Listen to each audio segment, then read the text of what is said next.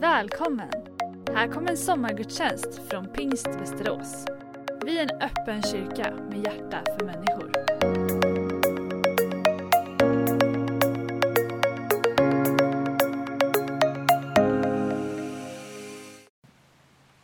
På mellanstadiet så var det ganska hårda matcher i Stockaryd när vi spelade innebandy på rasterna och det kunde ske sig så också att ibland så att vi som var lite yngre där jagade av sexorna. Och eh, då kunde det bli så att man sprang in någonstans med klubban i största hugg och gömde sig på en toalett och låste in sig och väntade.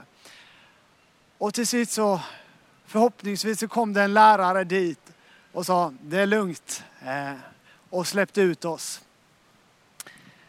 Det är på något sätt sån en sån miljö där lärjungarna är att Jesus har, har dött och de är rädda för hur blir det med allting nu och de sitter bakom låsta dörrar gömda och mitt i det så kommer Jesus till dem och han säger frid var det med det. Han kommer med frid och han kommer också med ett budskap till dem om ett uppdrag. Och det är det här uppdraget jag skulle vilja fokusera på idag och tala om att vi är sända av Jesus men vi är också sända som Jesus. Jesus säger här att det finns ett uppdrag för oss och han är exemplet för hur han vill sända dig och mig på det uppdraget. Vi är alltså inte bara sända av Jesus, utan vi är sända som Jesus. Vi alla är sända och har ett uppdrag att få gå ut med de goda nyheterna. Men vi får också göra det som exempel som Jesus gjorde det. Han är våran, eh, våran förebild i detta. Han är den, våran mästare som vi får följa. På vilket sätt vi kan få vara med och dela med oss av uppdraget. I början av Johannesevangeliet så läser vi om att Guds ord blev kött och bodde i mitt ibland oss. Alltså att Gud blev människa. Man brukar säga med ett annat ord inkarnationen. Och eh, Gud, han är inte en Gud som frälser på avstånd, utan Gud, han klev rakt in på våran spelplan, på våran hemmaplan. Jesus, han gick omkring här i denna världen. Han åt av samma mat som vi äter av. Han fick utmanas av samma utmaningar som vi människor möter. Han blev en av oss helt enkelt.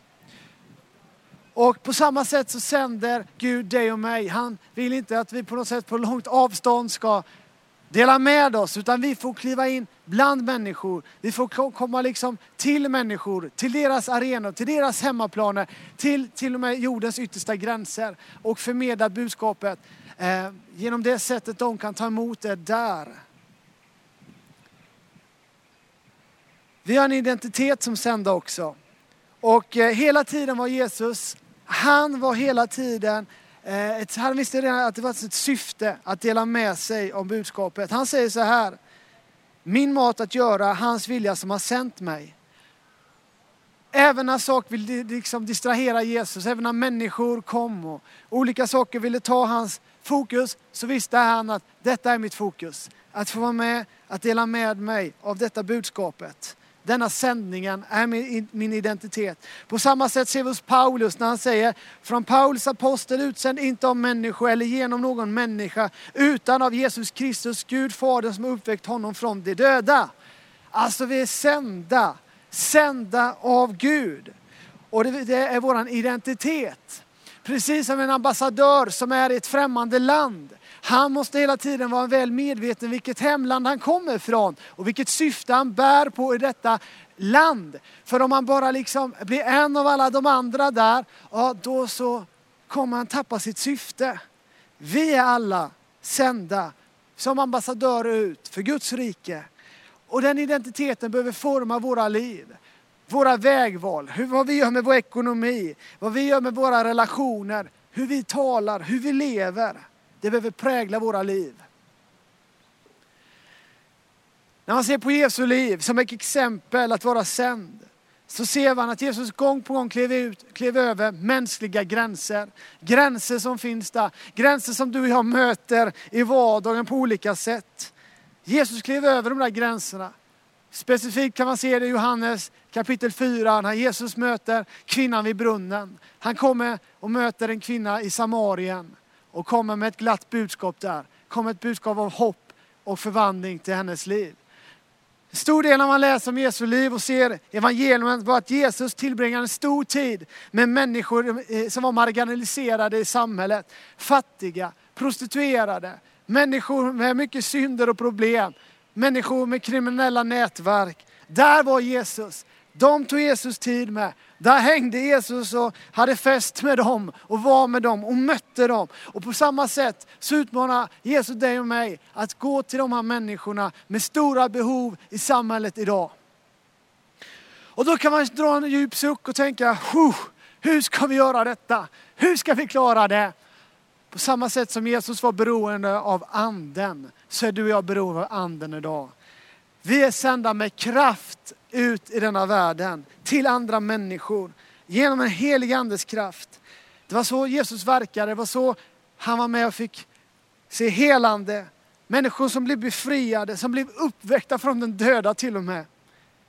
Det står så här att det verk som Fadern har gett mig att fullborda, just det verk som jag utför, de vittnar om Fadern som har sänt mig.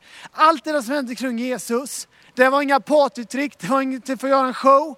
Det handlar om att eh, eh det skulle vara ett tecken som visade att han var från Gud. Att han kom från honom. Och Jesus sa vid ett annat tillfälle att jag säger er sanningen. Den som tror på mig ska göra de gärningar som jag gör och större än så ska han göra för att jag går till Fadern. Så du och jag kan få se stora, stora saker ske. Inte genom vår egen kraft utan genom den helige ande som vill verka genom ditt och mitt liv. Där vi går fram i vårt samhälle, bland människor. Så vi kan få lyfta blicken där vi är. Vi kan få lyfta våran blick helt enkelt och se på skörden. Jesus talar om det. Han talar hela tiden att och han har blicken för skörden, för människorna där han går fram.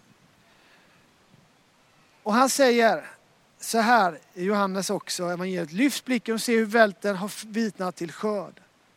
Lyft blicken där vi är. Vi kan få lyfta blicken i sommar och se stora fält som mognar till skörd. Men vi kan också lyfta blicken när vi går fram. Jesus uppmanar oss att lyfta blicken helt enkelt. Och eh, Jesus han, eh, han förstår att, eller han kunde inte personligen ta budskapet, han levde för en begränsad tid, men han sänder människor ut. För det som kan få göra att alla människor kan få höra, det handlar om multiplikation. Och på så sätt kan det multipliceras. Budskapet kan få gå ut till människor. Och han sänder lärjungarna. Han sänder dem att få gå ut och dela med sig av budskapet av Jesus Kristus.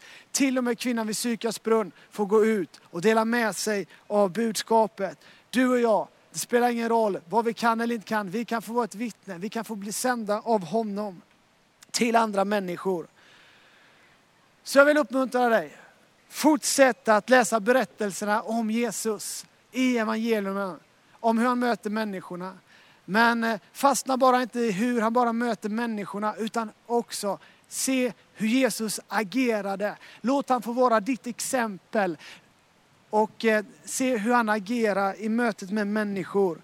Han är vår mästare som vi får följa ut i mission till jordens yttersta gränser men också att få vara en vardagsmissionär här och nu. Där du är, denna veckan, denna dagen kan vi få vara med. Så vi är inte bara sända av Jesus, vi är sända som Jesus. Du har lyssnat på en sommargudstjänst från Pingst Västerås. Har du frågor om församlingen eller vill veta mer om kristen tro kan du gå in på vår hemsida, vasteras.pingst.se Kolla också gärna in vår Youtube-kanal Pingst